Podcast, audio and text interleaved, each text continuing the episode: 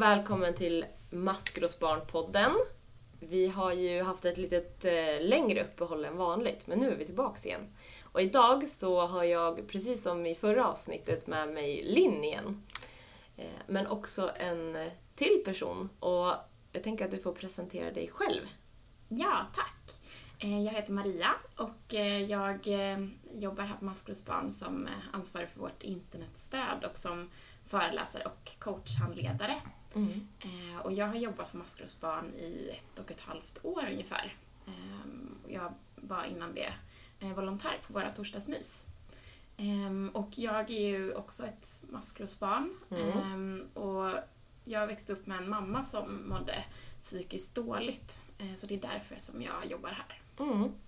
Och både du och eh, Linn är ju här av eh, en och samma anledning. Eh, men båda ni har ju jobbat i skolan på olika yes. sätt som, som vuxen. Mm. Eh, och idag så kommer vi prata lite om, om skolan bland annat.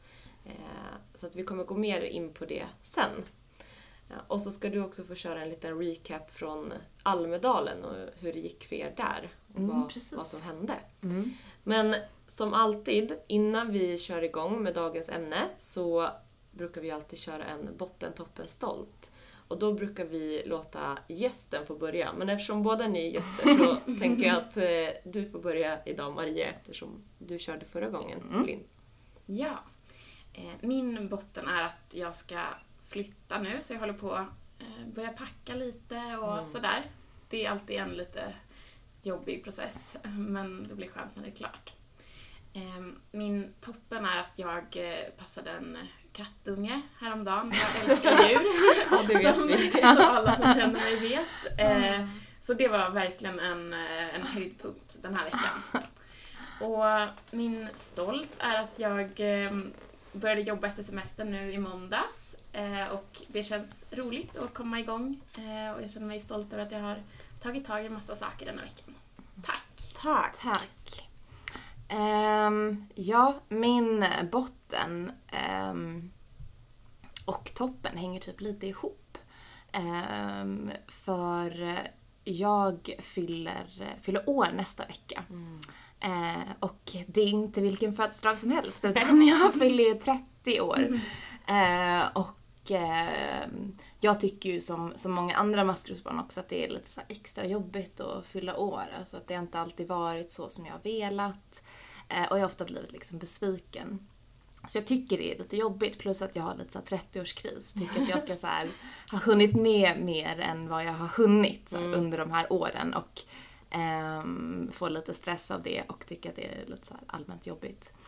Um, men så det är min botten, men också så här, min toppen för att eh, jag har liksom inte fått planera någonting för min födelsedag. För att mm.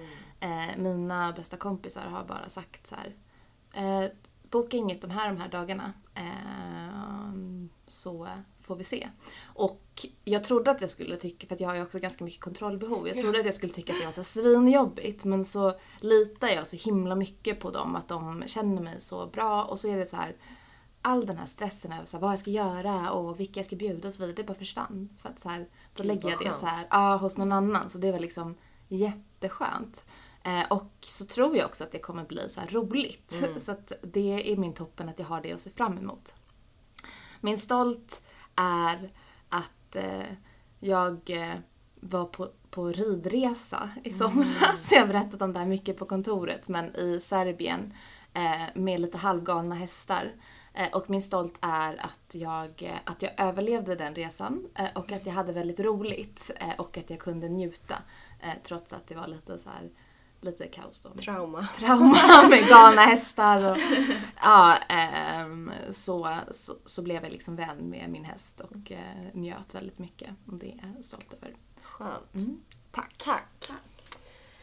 Eh, ja, hmm.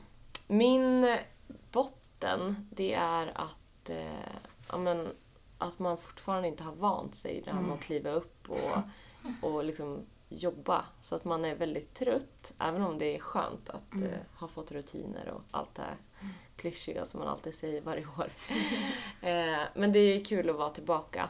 Mm, min toppen, det har eh, egentligen varit hela den här sommaren. Jag brukar, ha, brukar känna mig lite så här vemodig på sommaren och tycka att det är jobbigt och alltid få massa prestationsångest. Men den här sommaren har jag inte haft det. Utan bara liksom tagit allt som det kommer och ändå gjort jättemycket. Och jag brukar, brukar få lite panik av att här, göra saker hela tiden. Men ja, det har gått jättebra. Så det var en av mina bästa somrar. Och eh, stolt är jag över att eh, men jag har tagit tag i så himla mycket saker och haft bra framförhållning. Och, så att jag liksom slipper stressa längre fram i höst. Så det känns jätteskönt. Tack! Tack. Men Linn, vill inte du börja med att berätta lite om Almedalen och hur det gick där och vad ni pratade om för någonting? Ja, absolut. Det var så roligt när du sa att jag skulle berätta vad som egentligen hände i Ja. Almedalen. som att så Ehm, jo, men det, det gick ju jättebra i Almedalen. Det var fullt upp. Ehm, och jag berättade ju lite om så här, vad vi skulle göra. Eh, men eh, mycket av det vi gjorde handlade ju om eh, ja, men så här, att, att involvera barn mer. Att barn ska få vara med och bestämma. Och ehm, nu är det ju bestämt att barnkonventionen blir lag. Eh, Eh, då hade vi ett runda bordsamtal där vi samlade, ja men det var 20 liksom svinviktiga personer i samhället. Det var lite sådär att ehm, vi som var där typ nöp oss i armen i att så här, händer det här verkligen? Att de, för det var liksom personer då från riksdagen och eh, från eh, stora organisationer och eh, på regeringsnivå och sådär. Så att det var verkligen eh, viktiga människor samlade och att vi fick ha dem i två timmar och bara prata om eh, hur man ska göra barn mer delaktiga. Hur var stämningen där då skulle du säga? Eh, alltså jätte, jättebra stämning. Ehm, och det kändes som att de blev så himla inspirerade av varandra. Och det, ehm, det tycker jag är så häftigt att det inte bara är vi liksom, på Maskrosbarn som kommer och så säger att så här ska man göra. Utan att de, det fanns massa bra idéer och de hade jättemycket fina tankar. Ehm, sen var det lite så här, vissa saker var lite olika men att det ändå blev bra diskussioner. Ehm, och ehm, de var ju alla liksom positivt inställda till att barnkonventionen skulle bli lag. Vi hade ju några där också som också hade varit med och röstat fram att det skulle bli det. Ehm, och jag tror att så här, det där bidrog till att så här, de på sina olika arbetsplatser ehm, Alltså för vissa möter ju barn i sitt jobb och andra är mer liksom att de typ bestämmer eh, saker som påverkar barn väldigt mycket. Eh, men att de blev så inspirerade att de kommer tänka ännu mer och tänka nytt kring hur de kan göra barn ännu mer delaktiga. Eh, så det var väldigt positivt. Ehm, sen hade vi, vi var med på lite olika ehm, seminarier och paneler och ehm, det var ju mycket, det är ju valår i år. Eh, så att det var eh, mycket så fokus på det. Kanske inte just i de som vi var med men man märkte liksom att det var Ja, för ni var ju även där förra året. Märktes Precis. det någon skillnad att det var valår i år? Mm. Ja, men jag tycker nog ändå kanske att det var lite skillnad. Ehm, jag eh, tycker att ehm, ja, men så här, kanske att man såg så partierna ännu, ännu mer i Almedalen. Ehm, och att till exempel när vi hade Lilla Almedalen som då är att ungdomar från olika eh, organisationer får intervjua eh, politiker. Ehm, så tycker jag att så här, det märktes att det var valår för att de var liksom så här, vi i det här partiet tycker det här väldigt mycket. Ehm, För ni hade ju också med er ungdomar från Precis. Maskrosbarn. Ja, det hade vi. Och alltså de var så grymma. Eh, de var ju med på men, olika seminarier som vi hade. Vi hade gjort en tillsammans med två andra organisationer, en så här beställning till samhället i vad unga tycker ska bli bättre. Eh, och så hade vi ett seminarium där de förde fram den här beställningen och sen också berätt, alltså, frågade ut politiker, "Ja, men vad ska ni göra åt det här då? Eh, och alltså de var så benhårda och så här, de som satt i publiken var så här, det här var den tuffaste utfrågningen i Nej, hela Almedalen. Fantastiskt. För att de var så här, jaha, men hur då? Hur? Så här, bara, nej men nu är du, så här, nu snurrar du iväg, jag förstår inte. Vad, vad menar du egentligen? Åh gud vad drömmigt, det är Eh, exakt det man vill. Eh, och då satt man ju där och bara så här eh, kände så hopp inför framtiden. Eh, men skämdes lite å politikernas vägnar. Men ehm, det tycker jag var supercoolt också så här, när de frågade till Lilla Almedalen att så här, alla ungdomsorganisationer hade så bra frågor. Ehm, och eh, att det var ingen lätt uppgift för de eh, politikerna. Sen så tycker jag att de, så här, de skötte sig bra liksom Mm. och svarade ändå eh, bra och konkret. Ehm, och så. Ehm, och ehm, det var ju mycket kring ehm, jag tycker nog, upplever ändå att det var eh, mycket prat kring liksom, så skola och psykisk hälsa och att det lyftes att, ja, men att det behövs mer resurser till, till skolan, alltså då kanske framförallt till elevhälsoteamet men också att man behöver både att lärare behöver mer kunskap om psykisk ohälsa men också att det ska liksom vara en del i skolan, att man pratar om det också. Så här, vad är psykisk ohälsa och allt som hör till det? Så här, vad kan orsaka det? Eh, och det tycker jag nog ändå så här är positivt. Mm. Eh, och är ju någonting också som, så här, som alla ungdomsorganisationer så lyfter som så himla himla viktigt. Ehm, så.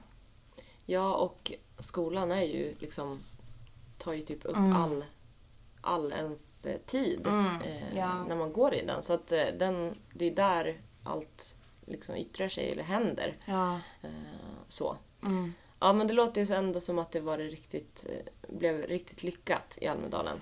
ja, det tycker jag verkligen. Mm. Ehm, Vi får se om hur det blir nu då nästa månad när det är val.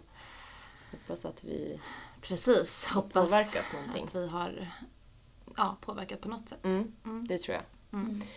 Eh, och idag så ska vi prata lite om, eh, många har ju börjat i skolan den här veckan. Eh, och vi ska prata lite om hur det kan vara, hur det kan kännas. Och eh, alla förändringar som kommer med det. Vissa kanske har börjat i en helt ny skola, gått från högstadiet till gymnasiet eller bytt klass eller något helt annat. Och det kan ju innebära jättemycket saker. Maria, du har ju jobbat i skolan. Vill du berätta vad du gjorde då?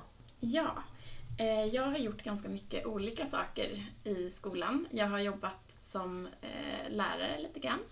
Ehm, mest på högstadiet. Mm. Sen har jag jobbat som elevassistent och nu senast så har jag jobbat ehm, med ett ehm, eh, team som jobbade med värdegrund och sådär. Mm. Och sen har jag även haft lite samtal med elever och jobbat i skolbiblioteket och lite blandat. helt Lite allt möjligt. Allt möjligt.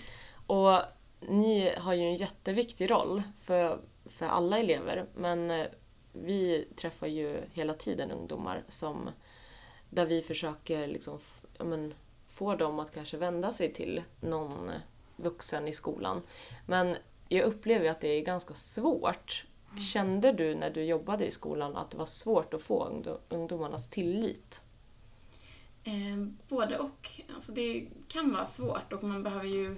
Det är så många elever eh, och man är ju bara en person. Eh, så det är kanske vissa elever som man lär känna bättre och många som man kanske inte känner alls lika bra. Så det kan ju vara väldigt svårt att komma nära många elever. Ja, precis. Eh, Och du Linn, du har jobbat som kurator. Ja men precis, jag har jobbat faktiskt både som kurator och också elevassistent och hoppat in lite som lärare också. Ehm, men nu senast då som kurator på, på gymnasiet. Mm. Vad är dina erfarenheter då av, av att liksom få kontakt med elever? Mm, eh, men det som jag tyckte var svårt och som jag vet är liksom, men för många som jobbar som eh, kuratorer, att man inte får vara så mycket på skolan. Att så här, en, jag var på två olika skolor, på en skola var jag bara en dag i veckan. Eh, och då blir det lite så här, ja, om du mår dåligt på torsdagar. Så, nej men så här, och jag försökte men det fanns också så här en begränsning i hur många timmar jag hinner prata med elever. Ehm, men jag upplever att när man tar sig tiden och så här sätter sig ner och ja, men så här, delar med sig om så här, kanske ja, men så här, vem man själv är och vad så här, eh, ja, varför man undrar vissa saker så tycker jag ändå att ehm, att så här, många ändå vågar öppna sig. Och sen så Mm. kanske det krävs att man typ frågar och har flera möten. Det är inte så att man har ett samtal och så bara, ja, nu fick jag veta allt. Nej, verkligen inte. Jag tänker att det där är ju en lång process. Mm. Att liksom komma någon nära och få veta mer om, om deras liv. Ja. Jag vet att många liksom nu känner ganska mycket ångest. Eh, både hemifrån men också liksom skolångest. Och eh, jag vet att många kanske inte väljer själva att, att gå till någon och berätta. Mm. Eh, och det är ju också, precis som ni säger, svårt att, att hinna se alla. Mm. Hur kan man jobba med det tycker ni? Att ändå fånga upp elever. Det kan ju vara många olika tecken. Det behöver inte vara så att någon kommer till en och säger att jag mår dåligt för att det här och det här har hänt. För det är ju ett jätte, jättestort steg. Så jag tänker att det ligger ett väldigt stort ansvar på alla vuxna som jobbar i skolan. Att se om någon, om någon verkar ledsen eller verkar väldigt trött eller kanske inte kommer till skolan eller kommer för sent. Och Mm. det kan vara väldigt många olika saker och att fråga hur någon mår eh, och inte bara fråga en gång Mm. eh, utan att fortsätta fråga eh, och ställa lite mer frågor. Mm. Mm. Hur känns det att gå hem efter skolan eller sådär. Mm. Eh, det kan vara mycket men det räcker ju inte bara att fråga en gång hur någon mår för då vågar man ju oftast inte berätta. Nej, verkligen. Nej.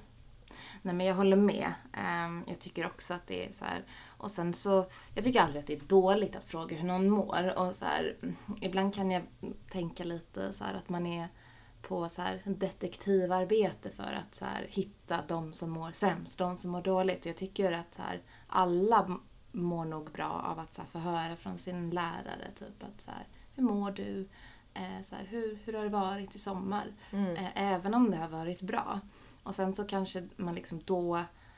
Eh, ja men de som, som kanske så här mår bra och som har haft det bra, så här, då, Mm. då kanske man känner det. Men som det är någon som är lite liksom tveksam eller Mm.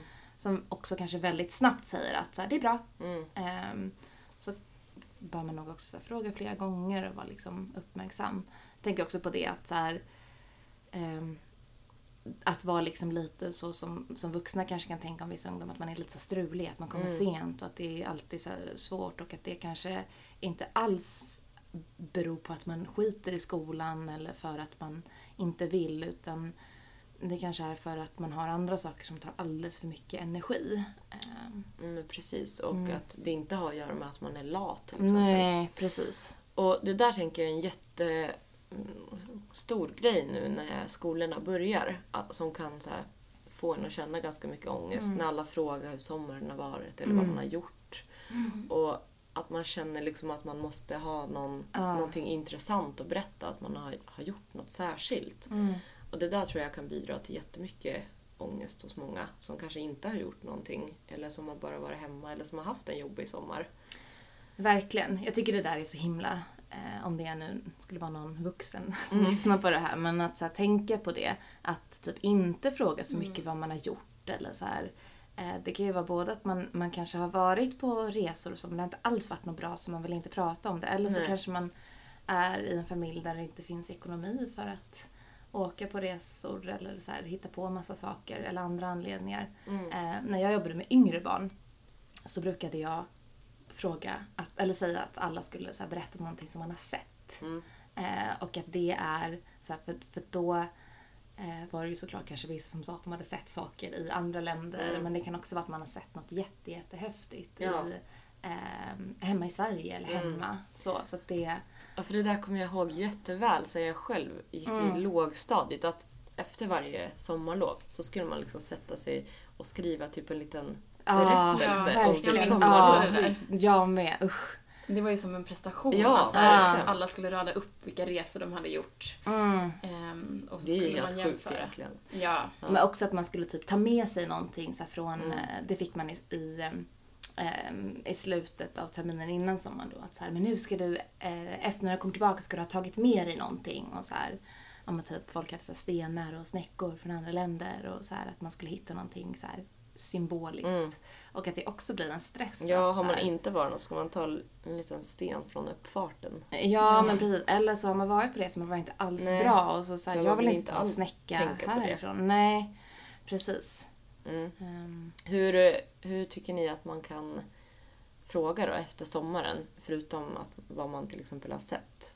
mm, Jag tänker att man inte behöver prata så jättemycket om ledigheten alltså Nej. i, i hel klass överhuvudtaget. Utan som Linn sa förut, att fråga hur mår du? Mm. Eh, och hur har du haft det? Precis, Mm. att det är mer i nuet och att det är det som är viktigt. Ja, precis. Och att man kan prata med eleverna en och en. Speciellt om det är så att man känner sig lite orolig eller så. För jag tänker Mm. att det blir tillräckligt mycket sån där hets Mm. eleverna emellan. Mm. Eh, så det behöver man verkligen inte som vuxen spä på. Nej. nej. Och att man, ja, men, om man är ungdom också, kanske Mm. tänker på det när det är till ens klasskompisar eller Ja. kompisar. Att det kan vara jobbigt att behöva prata om det. Eh, att man kan Mm. fråga någonting annat istället. Mm, Mm. ja. Verkligen. Och jag vet ju att eh, många ungdomar, bland annat våra ungdomar som går här, eh, börjar i gymnasiet Mm. nu och kanske har bytt från högstadiet till gymnasiet. Mm, Och eh, att det kan vara ganska svårt att så här, släppa den, man kanske har haft en lärare eller en, en kurator eller någonting på sin gamla skola som man har kunnat öppna sig för. Och att det kan vara ganska jobbigt att bara bli av med det och liksom behöva, behöva berätta för någon helt ny person. Hur, eh, hur tänker ni kring det? Vad kan man göra där, både som ungdom och som, som vuxen? I det här när det kommer en helt ny skola eller en helt ny elev eller en helt ny mentor för någon.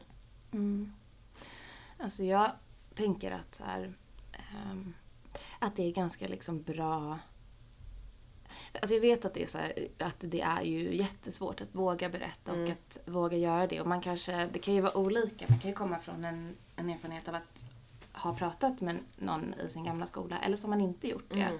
Eh, och om man inte har gjort det så ehm, alltså så här, då kanske det blir första gången man pratar med någon. Mm. Och jag tänker också så att känna i sig själv att man inte behöver berätta allt på en gång. Eh, utan att man, om man känner att man vill berätta att så här, men jag har det lite jobbigt hemma. Mm. Ehm, så har man liksom ingen skyldighet att sen då förklara exakt allt. Sen kanske så här, läraren ställer lite frågor och Mm. att man ska komma ihåg att man har också rätt att säga att så här, jag vill inte prata om det här just nu eller jag vill inte berätta allt just nu. Ehm, och då som lärare, så här, när man får det svaret, inte säga okej och sen aldrig mer fråga utan Nej. då fortsätta fråga men att så ge tid. Ja. Både som ungdom att så för, tänka att så här, jag har rätt att ta min tid, den Mm. tid jag behöver men också att då som lärare ge den tiden. Mm. Ehm, tänker jag är men en grej som är så här, viktigt. Liksom. Mm. Mm. Vad tänker du Maria?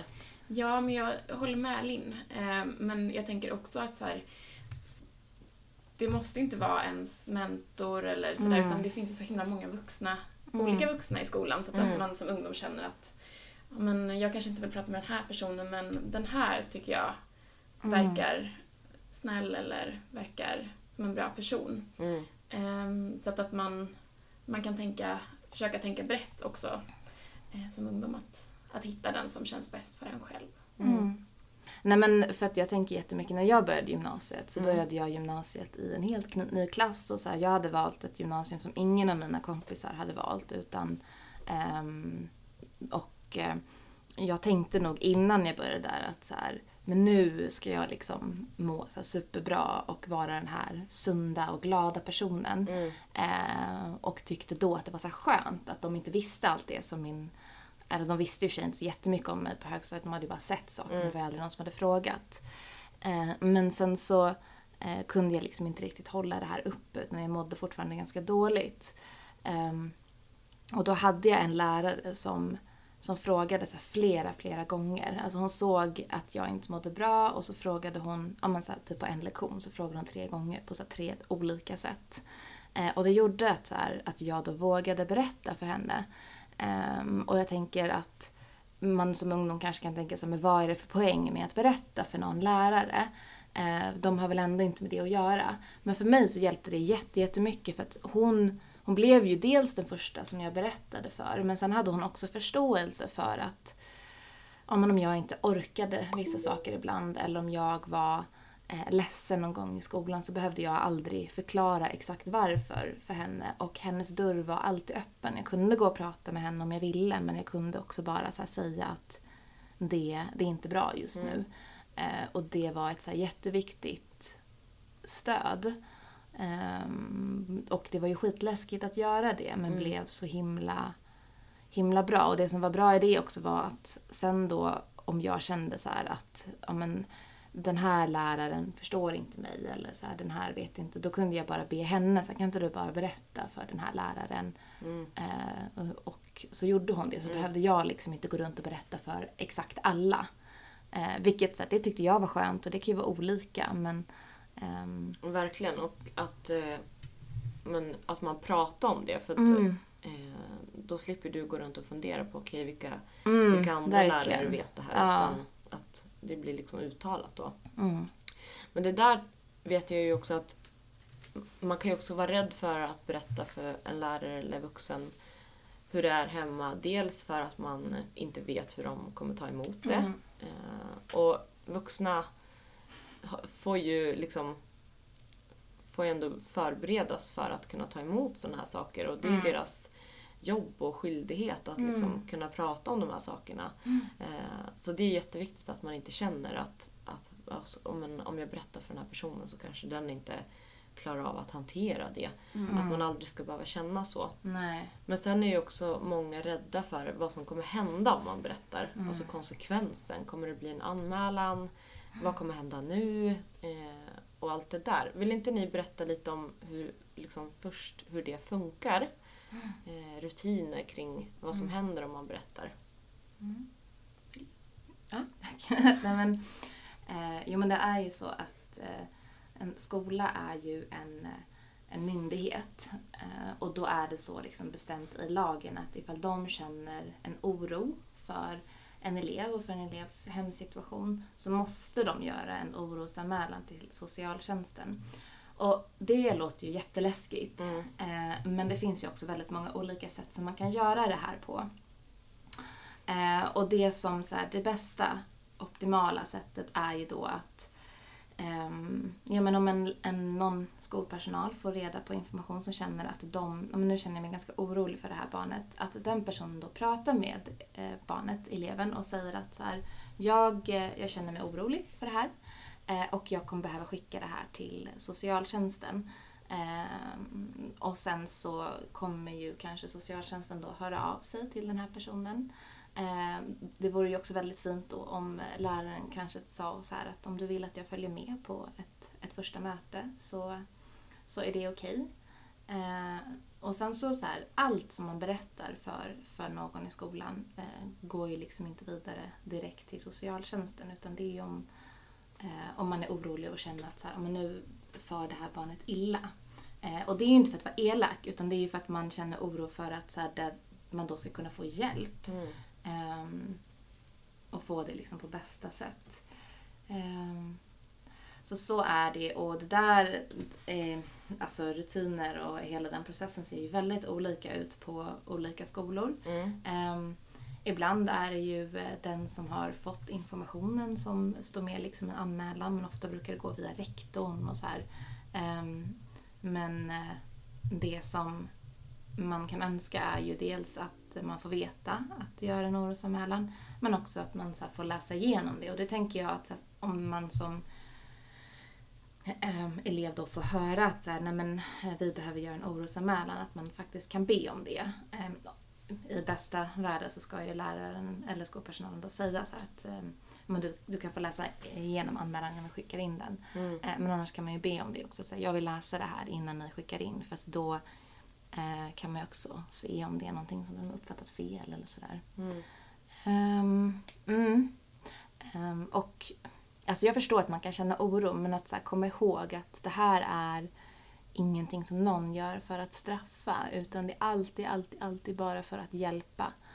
Ehm, och så. Mm. Mm, Mm. Verkligen. Och att man kan fråga den vuxna som ska göra eh, orosanmälan eller som man har berättat för. Fråga vad som, vad som ska hända och fråga allt det som du känner dig orolig för. För att precis som Linn säger så kan man ju känna ja, känna sig jätteorolig och rädd eh, för vad som ska hända. Men så här, våga fråga. ehm, så. Mm. Mm. Och har ni, båda ni som har jobbat i skolan, har ni behövt göra några sådana orosanmälningar? Mm. Ehm, ja, jag har inte gjort dem själv men eh, det har ju varit många barn som jag har varit orolig för. Mm. Men jag gjorde några stycken. Och ehm, jag gjorde liksom inte det eh, efter första, första, första samtalet med Nej. den här eleven. Utan jag eh, eh, lät den liksom berätta och sen så eh, pratade vi och sen så sa jag liksom att så här, jag kommer behöva göra det här. Ehm, och eh, hen tyckte ju inte kanske att det var jättekul eller så här, tyckte att det var jobbigt men förstod varför jag behövde göra det och kunde liksom acceptera det. Ehm, och fick också så läsa eh, orosanmälan och var väl ändå med på det fast tyckte inte om det. Ehm, Och det är ju skönast om det ändå kan vara så att Mm. så här, okej men nu har, du, nu, har du, nu har jag berättat att vi kommer behöva göra det här. mm, Eh, och precis som du säger, det, det kanske inte är att man kommer vara överlycklig av det. Men Nej. så finns det scenarion där det bara kan bli helt tvärtom, att det skär sig totalt. Ja, men alltså jag tror tyvärr att det, det kan hända. Och eh, jag tycker att man då som, så här, som vuxen ska komma ihåg att så här, ehm,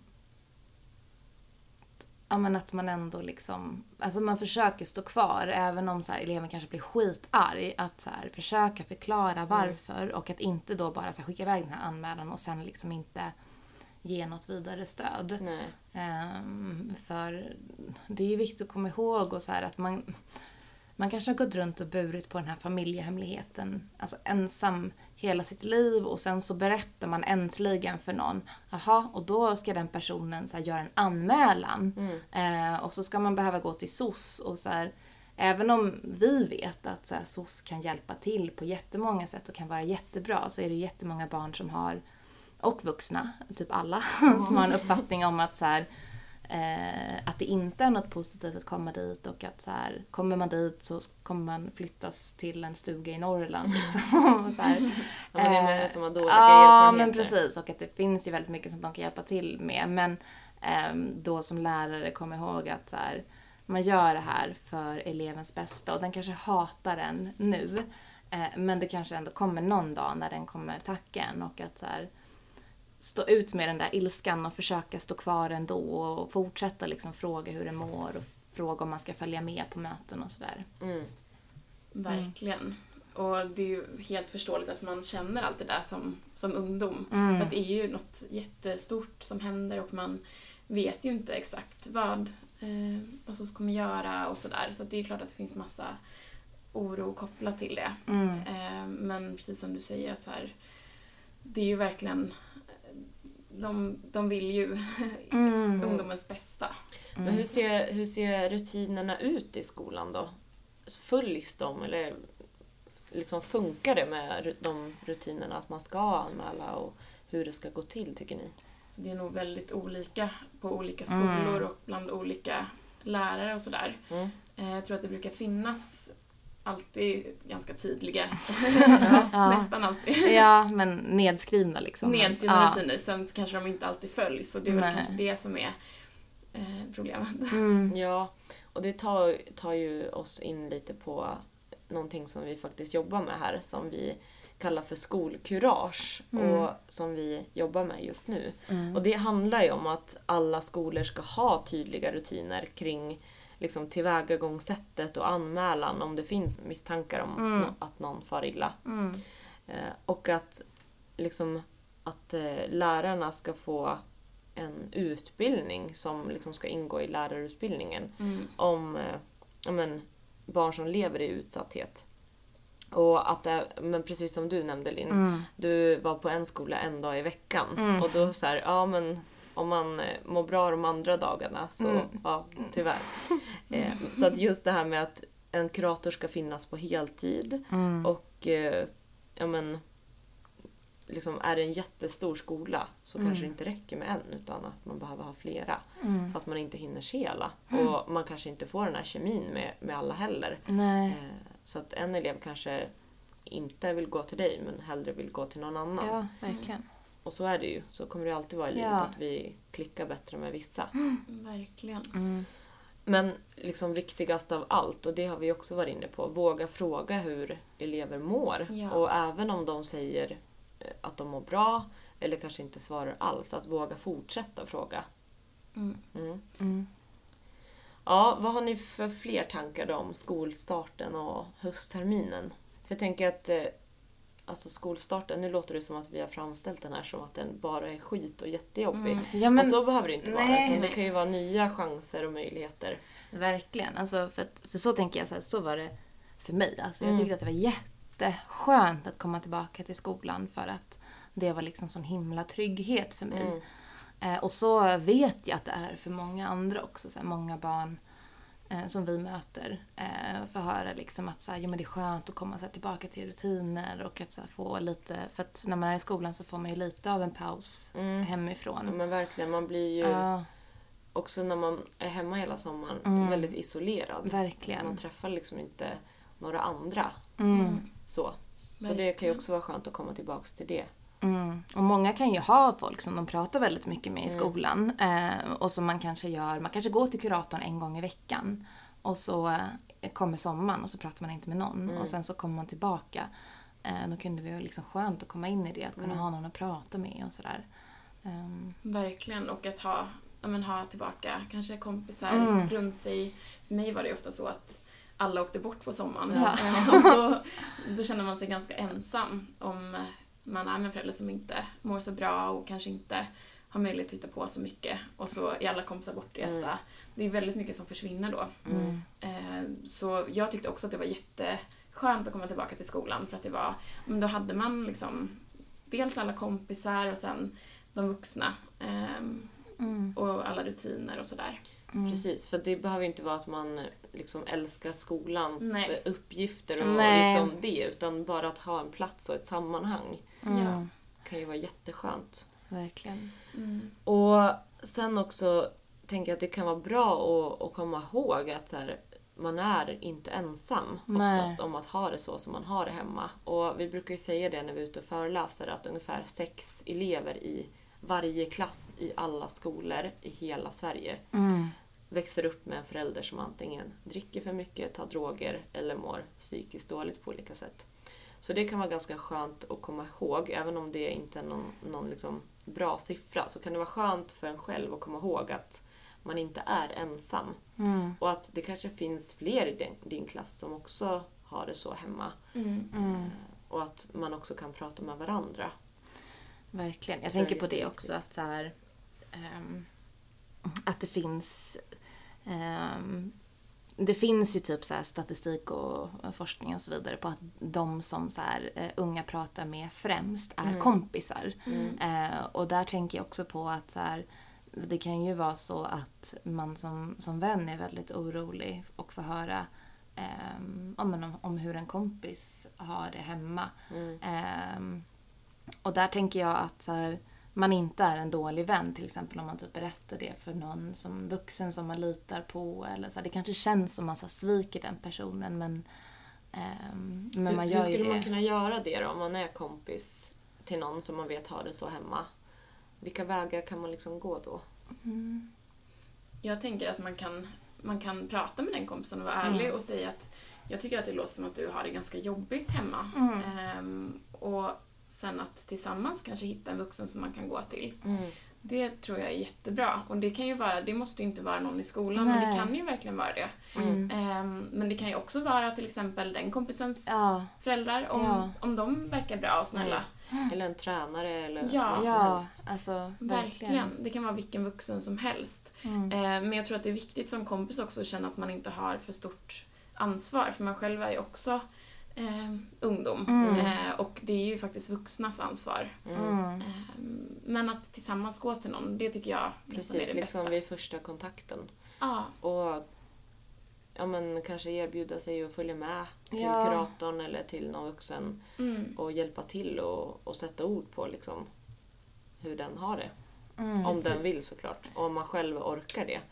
Men att sen, precis som du säger Maria, att det är viktigt att någon vuxen tar över sen. Att det Mm. inte blir Ja, sitt ansvar. Utan att man hittar någon som man kan som kan hjälpa en Mm. fortsättningsvis. Mm. Verkligen. Verkligen. Och jag jobbar ju också med vårt internetstöd och det brukar jag också tipsa om att det kan vara ett bra ställe att Mm. våga berätta för någon första gången. För att bara, Mm. bara liksom skriva ner eh, hur man har det hemma eller liksom berätta för någon är ju en jättestor grej. Eh, ibland kan det vara skönt att göra det anonymt Mm. eh, och sen berätta för någon. Verkligen. Vi var ju lite inne på det i början. Med att man kanske är trött och, och skolan kanske inte går så, så bra eh, för att man har det jobbigt hemma. Eh, men det vi glömde nämna var ju att det också kan vara åt andra hållet. Mm. Att man istället börjar Mm. överprestera och ha Mm. jättehöga krav på sig själv. Om att eh, ha de bästa betygen och vara liksom så, ja, men så bra som möjligt. Och att det blir ju också farligt. Det är inte alls bra om det går åt det hållet istället.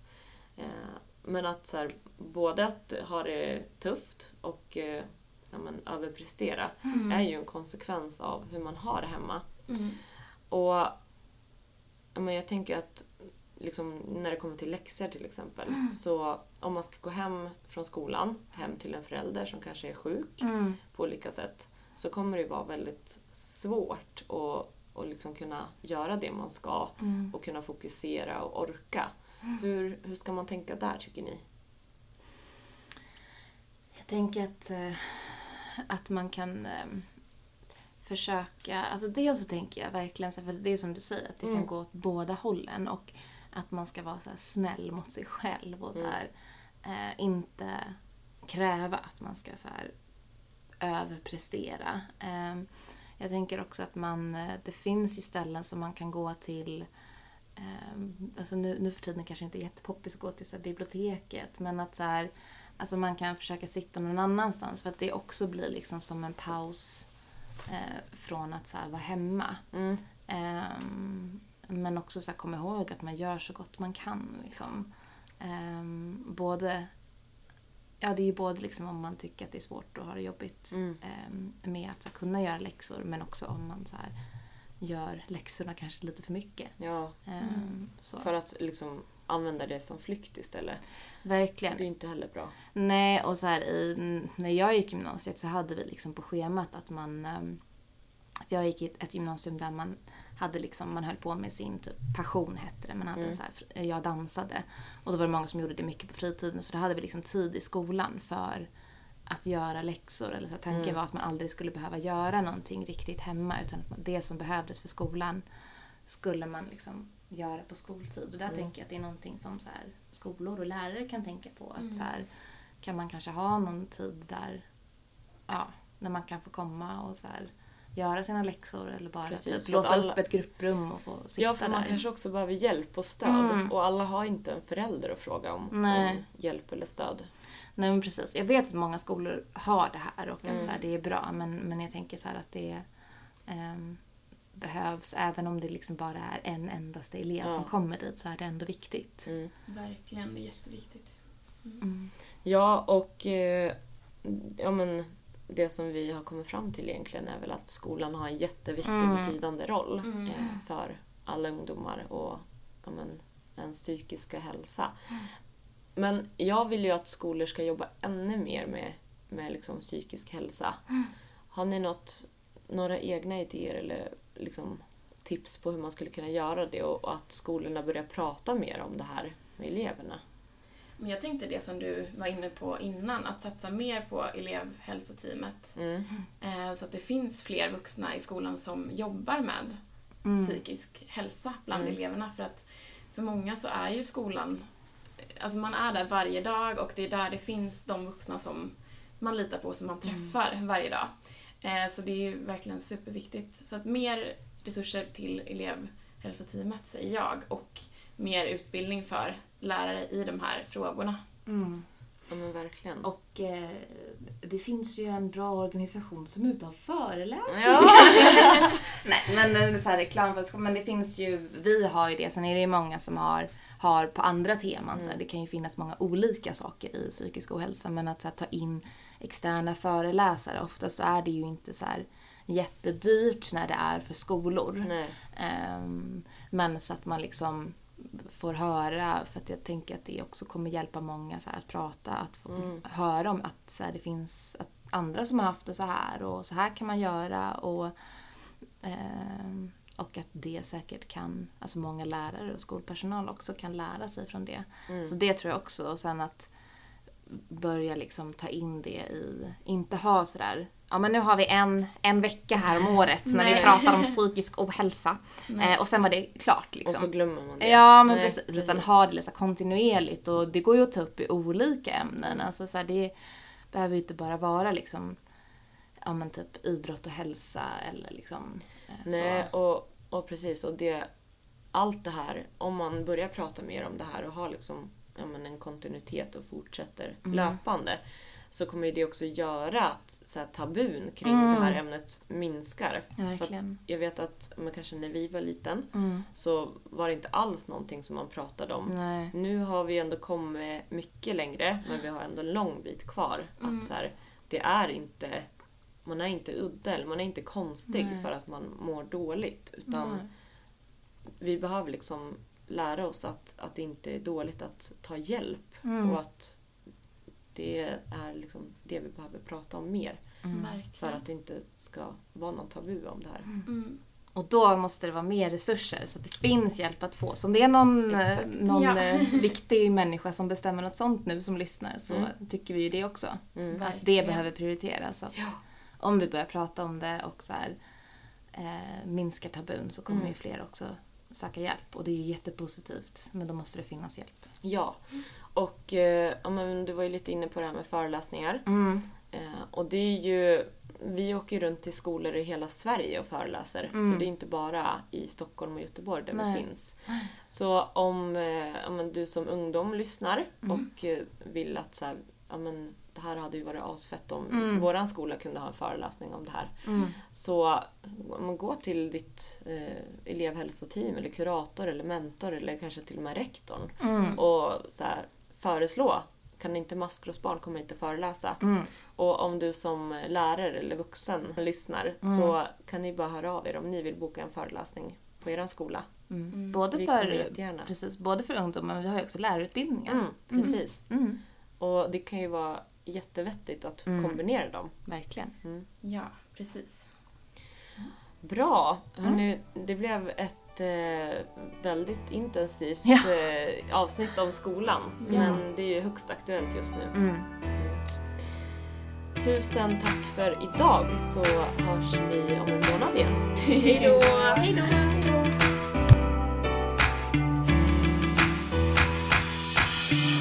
kan klättra så högt som du vill. Det är ditt liv, ingen annan säger till. Sikta mot toppen, dit du vill nå. Fortsätt att kämpa, du vet att det går. Du kan klättra så högt som du vill. Det är ditt liv, ingen annan säger till. Sikta mot toppen, dit du vill nå. Fortsätt att kämpa, du vet att det går. Det finns så mycket skit som händer hela tiden. Men vi är skapta för att överleva livet. En svår uppväxt med rädsla och hat. Men vi var för små för att kunna slå tillbaks. Gått igenom smärta och tårar dag för dag. Men vi lever än idag för vi är maskrosbarn Vi kämpar för att kunna ta oss vidare. Vi är starka, tillsammans är vi krigare. Vi borde inte skämmas, vi ska vara stolta. För det finns folk som inte fattar hur vi orkar. Vi ska kämpa, vi ska klara. För maskrosbarn är vi födda till att vara. Ett maskrosbarn slutar aldrig kämpa. De försöker fast de kan få vänta. För det är det som gör oss starka och unika. Enskilda individer olika men ändå lika. Du kan klättra så högt som du vill. Det är ditt liv, ingen annan säger till. Sikta mot toppen, dit du vill nå. Fortsätt att kämpa, du vet att det går. Du kan klättra så högt som du vill. Det är ditt liv, se till. Sikta mot toppen, dit du vill nå. Fortsätt att kämpa, du vet att det går. Jag vet att det känns tufft, försök att blicka fram. Finns ju för att kunna ta hand om varann. Känner liknande känslor om hur kärlek blev hat. När dagarna blev tunga bestod av skrik och prat. Om det är en tröst har vi gått i samma spår. Även som det känns som ingen annan förstår Måste vrida in och ut. På det som är ditt liv Tänka efter vad du vill så du i hjärtat känner frid skapa dig en framtid, du är värd att må bra. Kolla på Therese och vad hon blivit idag. Hon har varit som du, legat i botten på ett hav. Men kämpade sig upp och skapade maskrosbad Hennes ord är så sanna, precis som hon sa.